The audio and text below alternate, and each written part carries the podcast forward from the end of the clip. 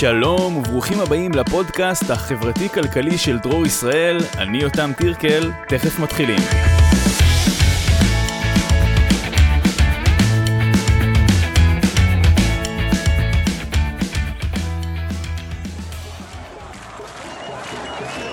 המשטרה מספרת שיש פה מעל 300 אלף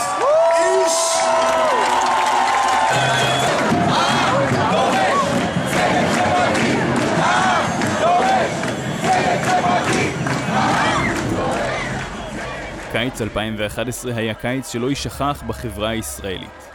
העם דורש צדק חברתי. בכל רחבי הארץ נפרסו מאהלי מחאה. מחירי הדיור היו יקרים. כמה חודשים קודם לכן ראו שגם מחיר הקוטג' גבוה, ומחיר הדלק. בעצם הבינו שיקר לחיות פה, ושרוצים לחיות פה.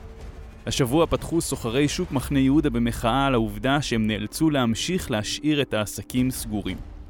בכיכר רבין נערכה הפגנה למען תעשיית התרבות והאירועים שנזק כבד נגרם ל-150 אלף עובדיה. לרחובות יוצאים בדגלים שחורים. העצמאים, השולמנים, נמצאים בכותרות ובדפי הפייסבוק זועקים את מחאתם על הפגיעה הכלכלית הקשה. שתי מחאות בנושאים כלכליים חברתיים. נפגשתי עם אורי מתוקי לשיחה על המחאה החברתית של קיץ 2011 והמצב עכשיו, זמן קורונה. אז אורי, תציג את עצמך. אורי מתוקי, חבר תנועת דרור ישראל, מישבל. אני אה, ראש האגף לאיגוד מקצועי בהסתדרות הנוער העובד והלומד. רצית שנדבר על המחאה החברתית ב-2011. איפה היית?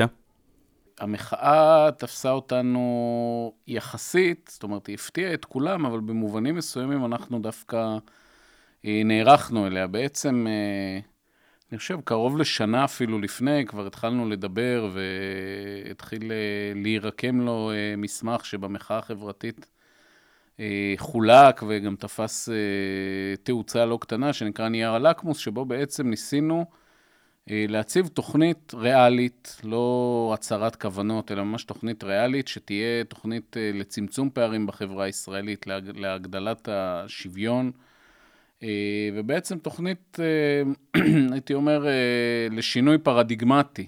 זאת אומרת, יש פרדיגמה כלכלית אחת שכל ממשלות ישראל ב-40 שנה האחרונות, בין אם הם אה, היו הליכוד, העבודה וגם אה, אה, קדימה, או כל מי שזה לא יהיה בדרך, דגלו תמיד בפרדיגמה אחת, שהיא התפיסה הניאו-ליברלית, שהיא אומרת לצמצם ולקצץ כמה שאפשר במגזר הציבורי, לעשות דה-רגולציה, זאת אומרת, כמה שפחות פיקוח על המגזר הפרטי, לקצץ אה, בתחומים אה, ציבוריים כמו רווחה, קצבאות וכדומה, ובעצם זה לא שונה אגב, רוב העולם המערבי הלך לכיוון הזה ב-40 שנה האחרונות, אבל ישראל לקחה אותו בצורה מאוד מאוד קיצונית, כמובן גם הפרטות. בעצם כבר ב-2010-2011 היה כבר אה, תחושה בציבוריות הישראלית, ואני חושב גם אה, אצלנו בתנועה, ש...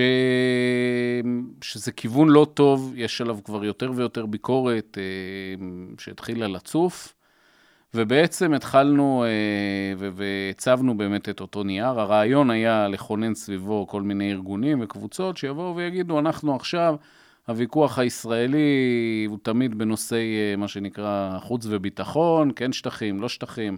שנים האחרונות עברנו קצת לנושאים אחרים, בג"ץ וכדומה, אבל... בעצם הרבה מאוד שנים השיח הכלכלי בישראל לא, לא, השיח הפוליטי בישראל כמעט ולא מתעסק בשאלות כלכליות וחברתיות. המושג ימין ושמאל בהם לא רלוונטיים, זאת אומרת ימין כלכלי, שברוב המקומות בעולם כשאומרים ימין מתייחסים לימין כלכלי, נמצא לא פחות חזק גם בצד מה שנקרא השמאלי, ולהפך, זאת אומרת גם בצד הימני יש אנשים ש...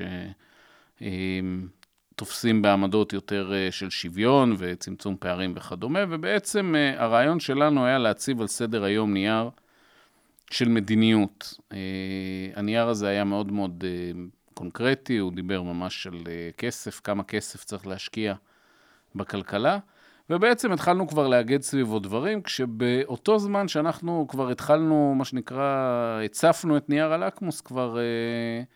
התחילו כל מיני מחאות קטנות בארץ, היה את uh, מחאת הדלק, שהתחיל uh, איש בשם זאב גראואר ממגדל העמק, אם אני לא טועה, עבד אז בחנות למוצרי אלקטרוניקה, ופשוט אמר, אני משלם הרבה מדי על הדלק, זה לא הגיוני, יש פה הרבה מיסים אה, אה, עקיפים, מה שנקרא, מיסים רגרסיביים, יש פה בעיה בכל המדיניות. הוא עשה שיירת, אה, פתח בפייסבוק שיירת אה, רכבים שתעלה לירושלים, ותיסע לאט וכדומה, ובעצם פתח איזושהי מחאה. מאוד מאוד, אה, ככה שתפסה באופן יחסי הרבה יותר אה, גדול ממה שציפינו. אנחנו אה, התחברנו עם הרעיונות שלנו של נייר הלקמוס, היה חיבור מצוין. אחר כך היה את גלגול אה, מחאת הקוטג', למי שזוכר, שבמידה מסוימת, אגב, כבר התחילה להציף את הדילמה של המחאות שיהיו, היא הייתה, נקרא לזה, יותר צרכנית, להחרים את תנובה, להחרים את... אה, פחות לדבר על הממשלה, יותר לדבר על הצד העסקי, ובעצם אה, אה, הדברים האלה כבר ראינו שהם מתחילים להתקבל בצורה מאוד מאוד אחרת, ואז באמת דפני ליף הציבה את האוהל שלה בשדרות רוטשילד, והתפתחה מחאה מאוד מאוד גדולה. ואנחנו כמובן מכירים את, ה... את מה שהתפתח מאז, וכמה המחאה באמת בהיקף שאני לא חושב נראה כמוהו בארץ, בשיאה. אה, אני זוכר שחישבנו שפחות או יותר עשרה אחוז מהמבוגרים במדינת ישראל יצאו לרחובות, זה מספרים uh, מטורפים. רגע, אבל אני רוצה לקחת אותך עוד ל-2010, כשאמרת שכתבתם את uh, נייר הלקמוס. למה תנועת דרור ישראל צריכה בכלל לכתוב את נייר הלקמוס? מה הקשר בין הפעילות של תנועת דרור ישראל לכתיבת הצעה אופרטיבית למדינה איך לנהל את התקציב? תנועת דרור ישראל היא תנועה אידיאולוגית. חלק מהאידיאולוגיה שלה היא מדיניות אה, סוציאל דמוקרטית ותפיסה של אה, כלכלה שאמורה לשרת את האנשים ולא את ההון. אה, וזה לא דבר חדש, זה נושא שעסקנו בו מאז ומעולם. כן, אני אומר, היה פה איזושהי סיטואציה שבה היה ברור שהשיח, לפחות הסנטימנט בשיח הכלכלי-חברתי משתנה, וצריך לתת לו כלים. צריך לתת לו כלים אופרטיביים, כי אה, נגיד אחד המושגים שאני מאוד לא אוהב זה המושג חברתי. אני גם משתמש בו, כולם משתמשים בו, כן? אבל אה, הוא מאוד חברתי, זה מאוד חברתי. עכשיו, חברתי זה מין אה, שם יפה כזה, להגיד מישהו שקצת אכפת לו מזה שיש עניים, אבל זה לא מצביע על מדיניות. מהי אותה מדיניות חברתית? תחת אותה מדיניות חברתית, סיפרו לנו למשל אה, שרמי לוי הוא מאוד אה, חברתי, ורמי לוי הוא מאוד איש חם, ואני לא יודע, כל מיני תיאורים שיותר קשורים לספרי, למגזיני לייפסטייל, זה לא אמור לעניין אותנו בהיבט של המדיניות. מדיניות של היוו למשל וחשיפה מאוד מאוד גדולה, היא מדיניות אנטי, אנטי-חברתית במובן שאני תופס אותו. והרבה מאוד אנשים תופסים אותו כדבר חיובי. למה? כי שוב, אה, יש היעדר מוחלט של שיח על זה.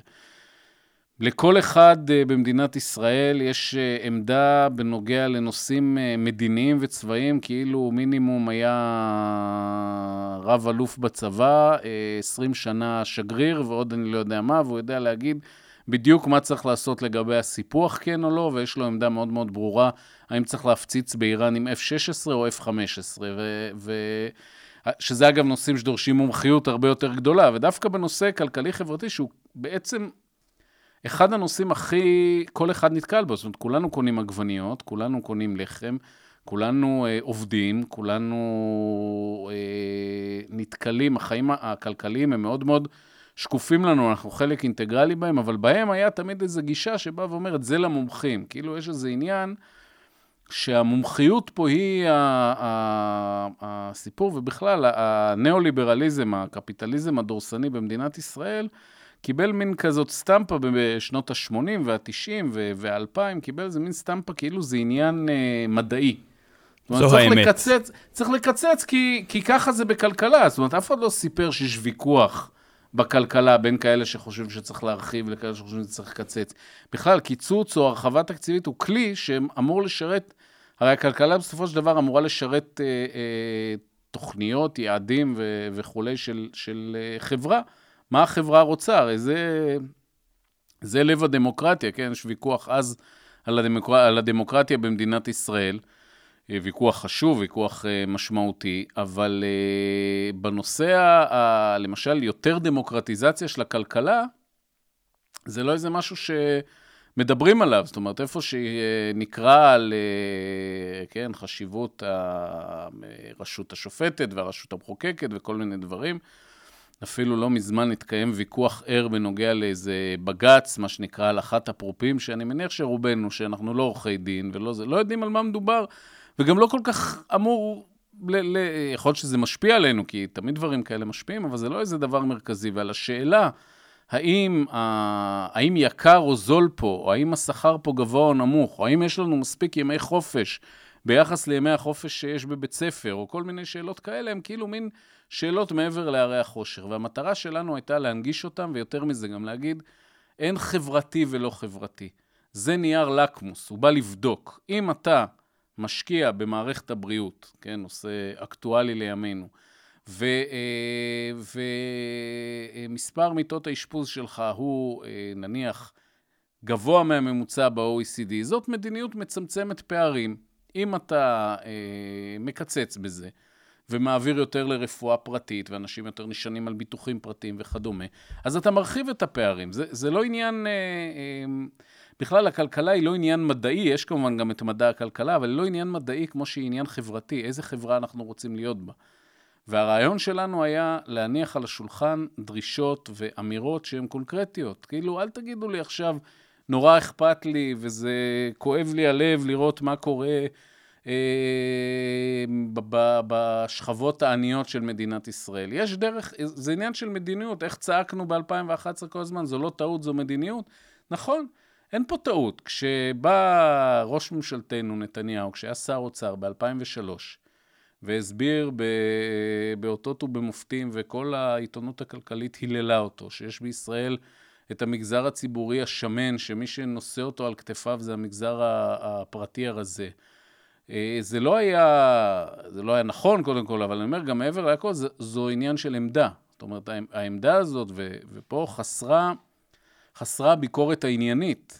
לא מצד כל מיני פעילים חברתיים וזה, אלא באמת בעיתונות הכלכלית, באקדמיה הכלכלית, שבאה ואומרת, רגע, אם אתה מקצץ את, אה, את אה, מערכת הבריאות של מדינת ישראל, כך שהיא, היחס מיטות לנפש שלנו נמוך בהרבה מהממוצע ב-OECD, אתה יצרת מדיניות, והמדיניות הזאת היא בהכרח רעה יותר למי שאני, והנה גם לענייננו, היא גם בהכרח מביאה אותך לא מוכן כשיש אה, מגיפה עולמית. אז רגע, אני רוצה להחזיר אותך ל-2011. איך קיבלו את uh, נייר הלקמוס בתוך המחאה? אמרת שהמחאה התגלגלה ממחאה למחירים של דלק, ואחרי זה על מחירים של קוטג', ופתאום באה תנועה חברתית ואומרת, תשמעו, זה לא הסיפור של המחיר של הקוטג' או המחיר של זה, זה בכלל עניין של מדיניות. קודם כל, מה שהניע ו- ויצר את הבאז הכי גדול היה מחאה בכלל בנושא הדיור.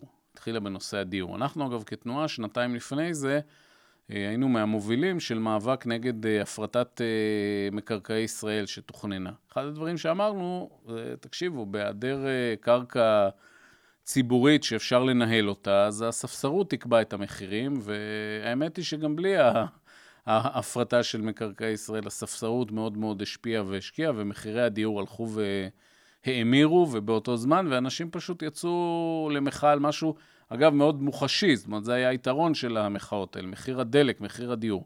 מה שאנחנו ניסינו זה לבוא ולהגיד למוחים, אה, מהרגע הראשון, זה תראו, זה לא רק הדיור, זה חלק ממדיניות כוללת. ואנחנו הצבנו דוכנים בכל המאהלים, בהתחלה ברוטשילד ואחר כך בהרבה מאוד מהמאהלים שקמו, ונהיינו שותפים וארגנו, היינו שותפים בארגון ההפגנות והאירועים, ובעצם כל הדברים האלה, כשאנחנו כל הזמן הצבנו על, אה, אה, ככה, בלב, בראש שמחתנו, את העניין הזה שצריך להרחיב את התקציב. זה לא עכשיו עניין של לבוא ולהגיד, תקשיבו, צריך אה, אה, אה, להיות יותר חברתיים ולהיות שיהיה יותר נעים, או, או לקחת איזה נושא אחד ולהגיד, עליו עכשיו בואו תשימו כסף. אנחנו הצבנו את הנייר כאיזשהו כלי עבודה, ולשמחתי הוא מאוד מאוד השפיע על השיח. זאת אומרת, מה שקרה זה שאנשים הבינו בחושם, אה, חלק גם הבינו ביותר מבחושם, אבל אה, היה, היה ברור שיש כאן איזה בעיה.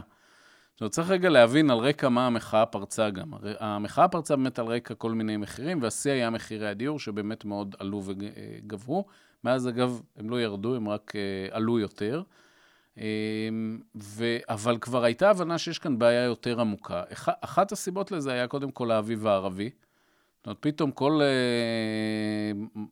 כל החדשות, כל ynet, כל זה התמלא במצרים ומקומות אחרים, אבל בעיקר אני זוכר את מצרים, ש...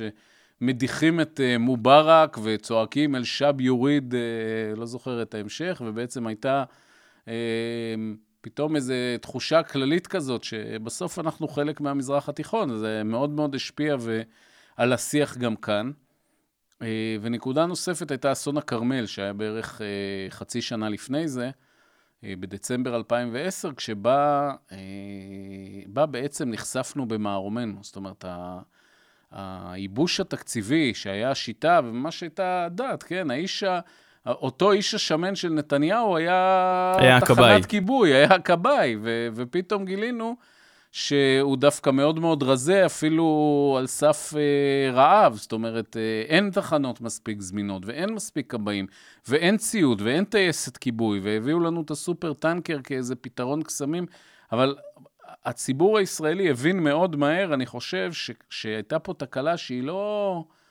אה, שוב, היא לא איזה טעות, היא מדיניות מכוונת. אז נכון, אף אחד לא בכוונה שרף את הכרמל, ואף אחד לא חשב שזה אה, מה שצריך להיות, אבל בהליכה עיוורת אחרי אה, גישת הייבוש התקציבי וההפרטה, גילינו שאנחנו לא ערוכים. הדברים האלה היוו את הדלק הזה שהוציא אנשים לרחוב, ובמובן הזה זה לא היה רק מחיר הדיור. אה, והמחאה במובן הזה, אני חושב שהייתה זקוקה באיזשהו מקום לאמירות שהן יותר אה, שלמות, יותר הוליסטיות. אגב, היה ויכוח גם בתוך המחאה. בעוד שאנחנו הצגנו את הגישה הזאת, שהיא גישה סוציאל-דמוקרטית קלאסית, שמדברת על רווחה ומדברת על uh, uh, השקעה גדולה בתקציב. צריך לזכור, סוציאל-דמוקרטיה היא לא קומוניזם נוסח ונצואלה, כפי ש... ליברטנים אה, אה, נוהגים אה, להפיץ ברשתות, אלא זה איזשהו זרם בתוך הקפיטליזם, אבל שמאזן ובא ואומר, ל, ל, לשוק צריך לשים גם בלמים כשצריך. דבר שכמובן גם מאוד מאוד רלוונטית לנקודה שבה אנחנו נמצאים היום.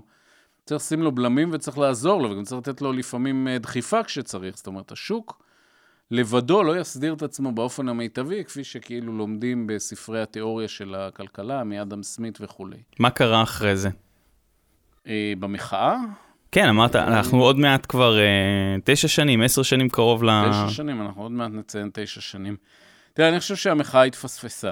זאת אומרת, אה, היה לה הישג עצום במובן התודעתי, שפתאום השיח הכלכלי-חברתי, נהיה הרבה יותר רלוונטי, אבל הוא לא הפך להיות, אה, זאת אומרת, אם הרעיון היה שנייר הלקמוס, ואחר כך נייר הדרישות, ומסמכים של אה, פרופסורים כאלו ואחרים, כל מיני אמירות, הם, הם בהחלט נהיו יותר לגיטימיות. כן, אני... תראה, מה שחסר בעיקר, מה שאנחנו גם מאוד מאוד ניסינו ליצור בעקבות המחאה, זה שהגל הציבורי העצום הזה לא יתפזר. זאת אומרת, הוא בסוף יקהל, תראו, תראה, ההפגנות הגדולות של uh, מלחמת לבנון בעצם הפכו את שלום עכשיו, היא קמה לפני, אבל הפכו את שלום עכשיו לתנועה מאוד מאוד גדולה ומשפיעה במשך כעשור בפוליטיקה הישראלית. Uh, כי היה לאן לקחת את העניין הזה. לא, ש, לא, לא שכולם הלכו ו...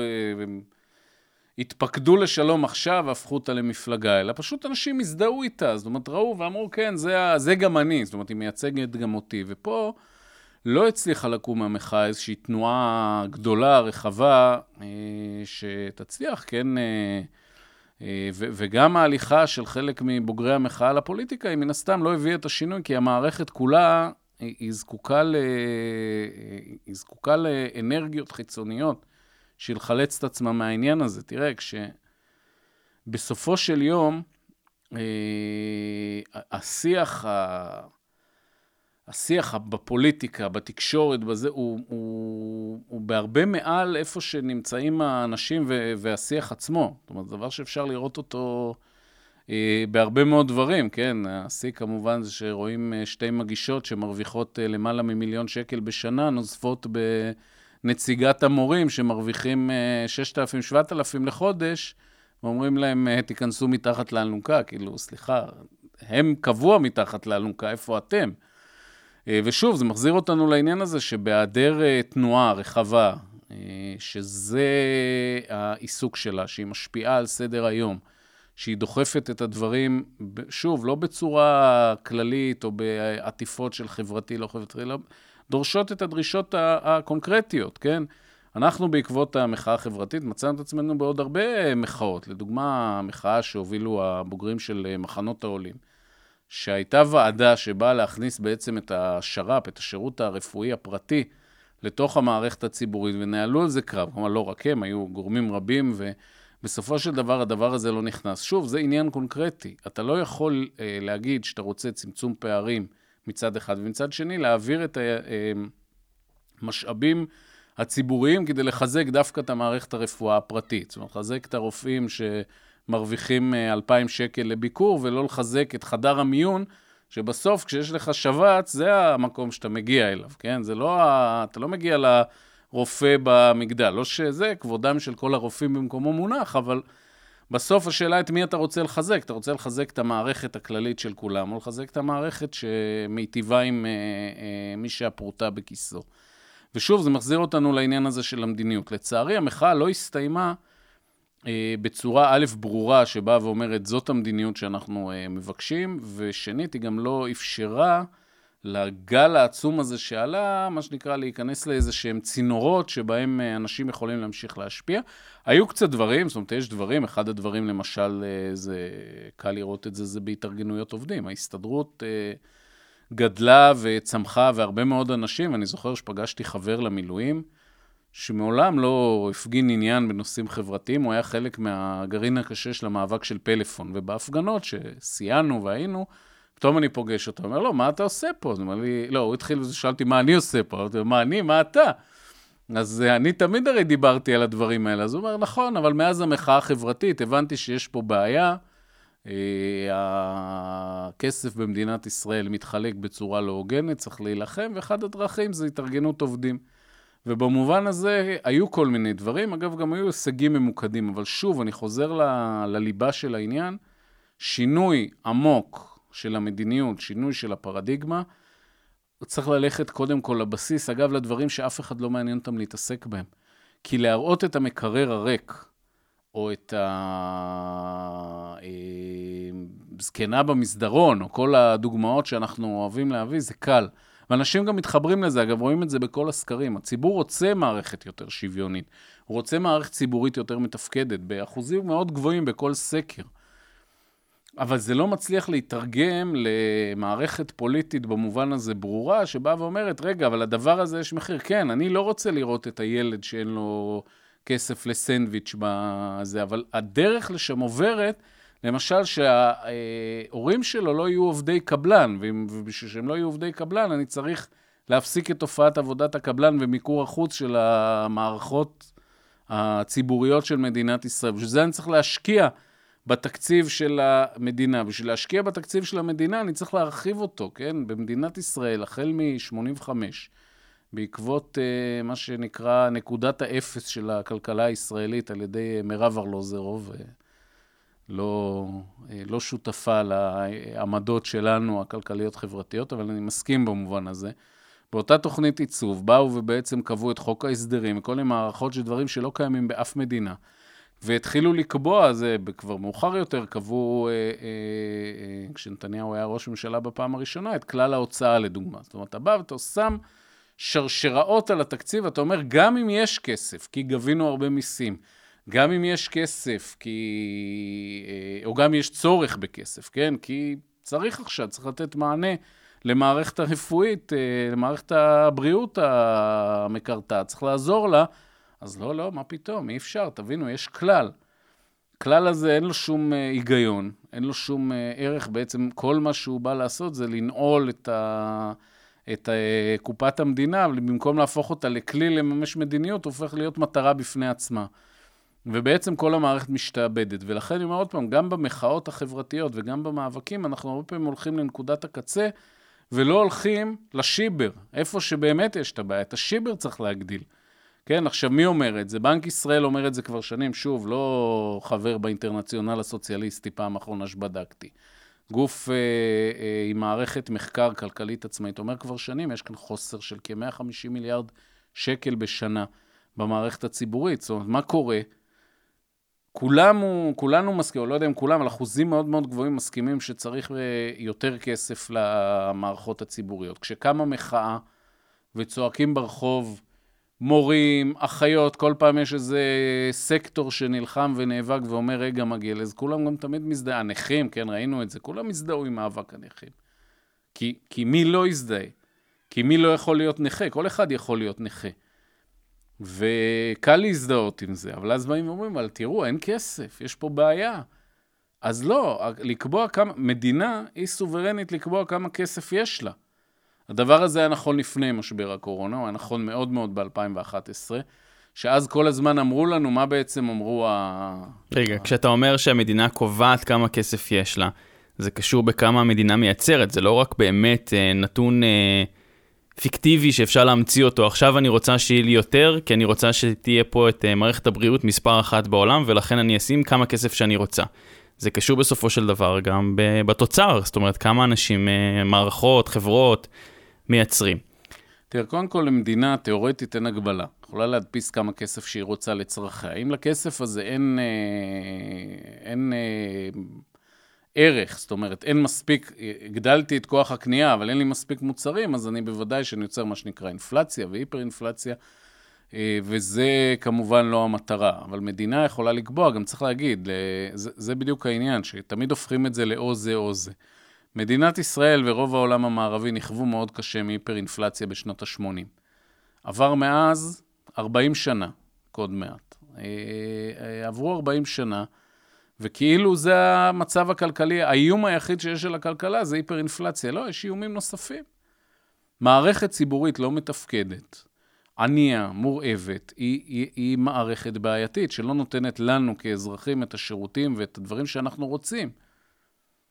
עכשיו, כשעוטפים את הדבר הזה בכאילו, זה עניין מדעי בכלל, שאי אפשר אה, להדפיס, ומה פתאום וזה. תראו, משבר הקורונה בעניין הזה מייצר שינוי. הוא מייצר שינוי, כי פתאום בשיח, קודם כל, אה, רוב העולם, לצערנו, אצלנו במדינה לא, אבל רוב העולם בא ואומר, רגע, זה הזמן שלי עכשיו כמדינה. לעשות, אם, אם על ידי גיוס אגרות חוב, אם על ידי הדפסת כסף, כל מדינה והשיטה שלה, אבל הדפסת כסף שמאז שנות ה-80 אני לא חושב שדובר עליה, אולי היו מקרים ותופעות, אבל דבר שלא דובר עליו כמעט פתאום חזר להיות פתרון אה, מיינסטרימי, ומדינות באות ואומרות, כן, זה אופציה. נכון, זאת אופציה שצריך להגביל אותה. לא יהיה נכון להפוך את זה לשיטה, וכל פעם שיש איזה משבר פוליטי, לפתור אותו בלהדפיס על החשבון. זה מאוד מאוד משנה במה משקיעים. זאת אומרת, הגדלת התקציב, זה גם חלק מהטענה שלנו הייתה. זאת אומרת, אם בסופו של יום, כן, ניקח את נייר הלקמוס, אתה יוצר מערכת אה, חינוך טובה יותר, כי אתה משקיע בכסף, והיא לא טובה למי שיש לו כסף למורים פרטיים ורעה למי ש... או לחינוך פרטי בכל מיני וריאנציות, אלא היא, היא פשוט טובה. יש פחות ילדים בכיתה, יש מורים אה, עם שכר יותר טוב, ולכן גם מורים יותר טובים, יש... אה, כל, כל הסיבות והשיטות שבהן אתה מייצר מערכת יותר טובה, אתה גם משקיע, כי זה עוד עשור, 15-20 שנה, זה אלה שיקימו לך את הסטארט-אפ הבא, ואלה שיחזיקו לך את המערכות הציבוריות הבאות, והם אלה שיפתחו את היוזמה ואת העסק. זאת אומרת, כל הגישה הזאת שהתקבעה מאוד מאוד חזק ב- ב- בישראל, לדעתי אפילו יותר מבשאר העולם, שבאה ואומרת שכל... אמ, ש, שהמדינה היא מעין אה, משק בית, כן? תמיד במקבילים ואומרים לך, המדינה היא כמו משק בית, אבל משק בית הוא אה, יחידה כלכלית צרכנית. זאת אומרת, מטרתו לצרוך, לצרוך חיים, לצרוך אוכל, לצרוך חינוך, לצרוך אה, זה, כן? כל מיני דברים. ואת הכסף הוא מייצר בשביל הצריכה, הוא לא מייצר כסף סתם. מדינה היא לא כזאת. אם כבר להמשיג אותה, אפשר להמשיג אותה לעסק שמשקיע כסף כדי להתפתח. כמובן שגם זה לא דרך נכונה, כי מדינה היא גם לא עסק. מדינה היא, החברה, היא סך ה... או הייצוג של אה, תשעת המיליון שחיים פה. שמן הסתם רוצים ויש להם מטרות וייעוד בחיים שהוא יותר מאשר אה, רק אה, אפשר למדוד אותו בכסף, כן? שמעתי שמנכ"ל משרד האוצר, שי באב"ד, אמר בדיון, נדמה לי על הפיטורים באל על, אולי בהקשר אחר. אמר, תראו, אני לא מודד כמה עובדים מפוטרים, זה לא המדד. החברה היא נמדדת בכמה כסף, בכמה רווח היא מייצרת לבעליה.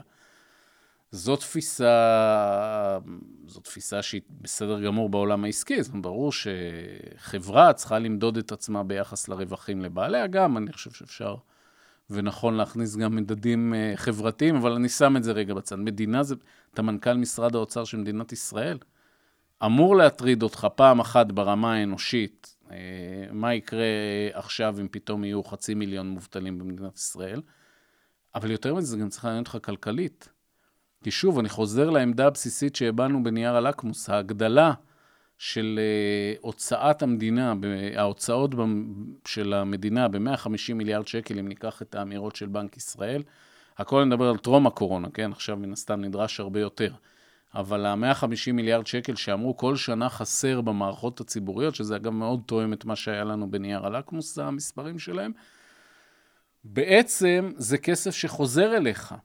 כי צריך להגיד, אם אותו בן אדם, זה, הוא חוזר לך בטווח הארוך, למשל בדוגמה שנתתי בחינוך, אבל גם חוזר אליך בטווח הקצר. אם אתה אה, מוריד את העלויות, אה, אפילו סתם עלויות אה, הבריאות, כן? נחזור למערכת הבריאות כדוגמה.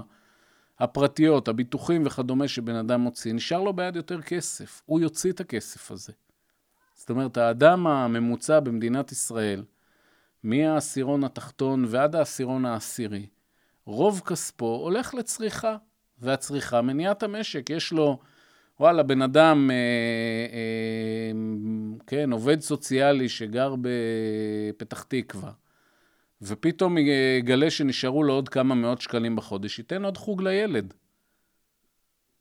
בניגוד אגב למערכות שכשהכסף הולך לידי המאיון והאלפיון העליון, למשל על ידי מיסוי שהוא לא מספיק אה, פרוגרסיבי, גם דברים שטענו בנייר הלקמוס, כל מיני דברים כאלה, הכסף הזה כבר הולך להשקעות כמו אה, אה, נכסים ובחו"ל וכדומה, הרי בן אדם יש גבול כמה הוא יכול לצרוך, כן? אז אתה יכול לתת לילד גם שלושה וארבעה חוגים, אבל מאה חוגים לא תיתן לו. אה, וזה בעצם חלק מה, מהסיפור. זאת אומרת, מערכת שהיא גם יותר שוויונית. אה, פעם היה ספר שקראנו הרבה בתנועה, כוח השוויון בכלכלה, שכתבה אסתר אלכסנדר, זיכרונה לברכה, הייתה כלכלנית. הייתה הכלכלנית הראשית של משרד התעשייה והמסחר, אם אני זוכר נכון.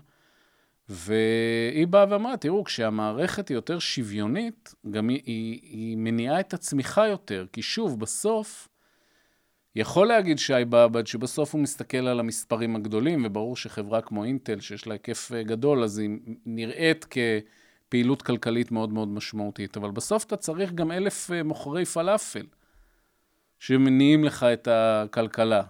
ואגב, להם בדרך כלל אין אה, הקלות מס ודברים כאלה מהסוג של החברות הגדולות יש. זאת אומרת, הם יש להם...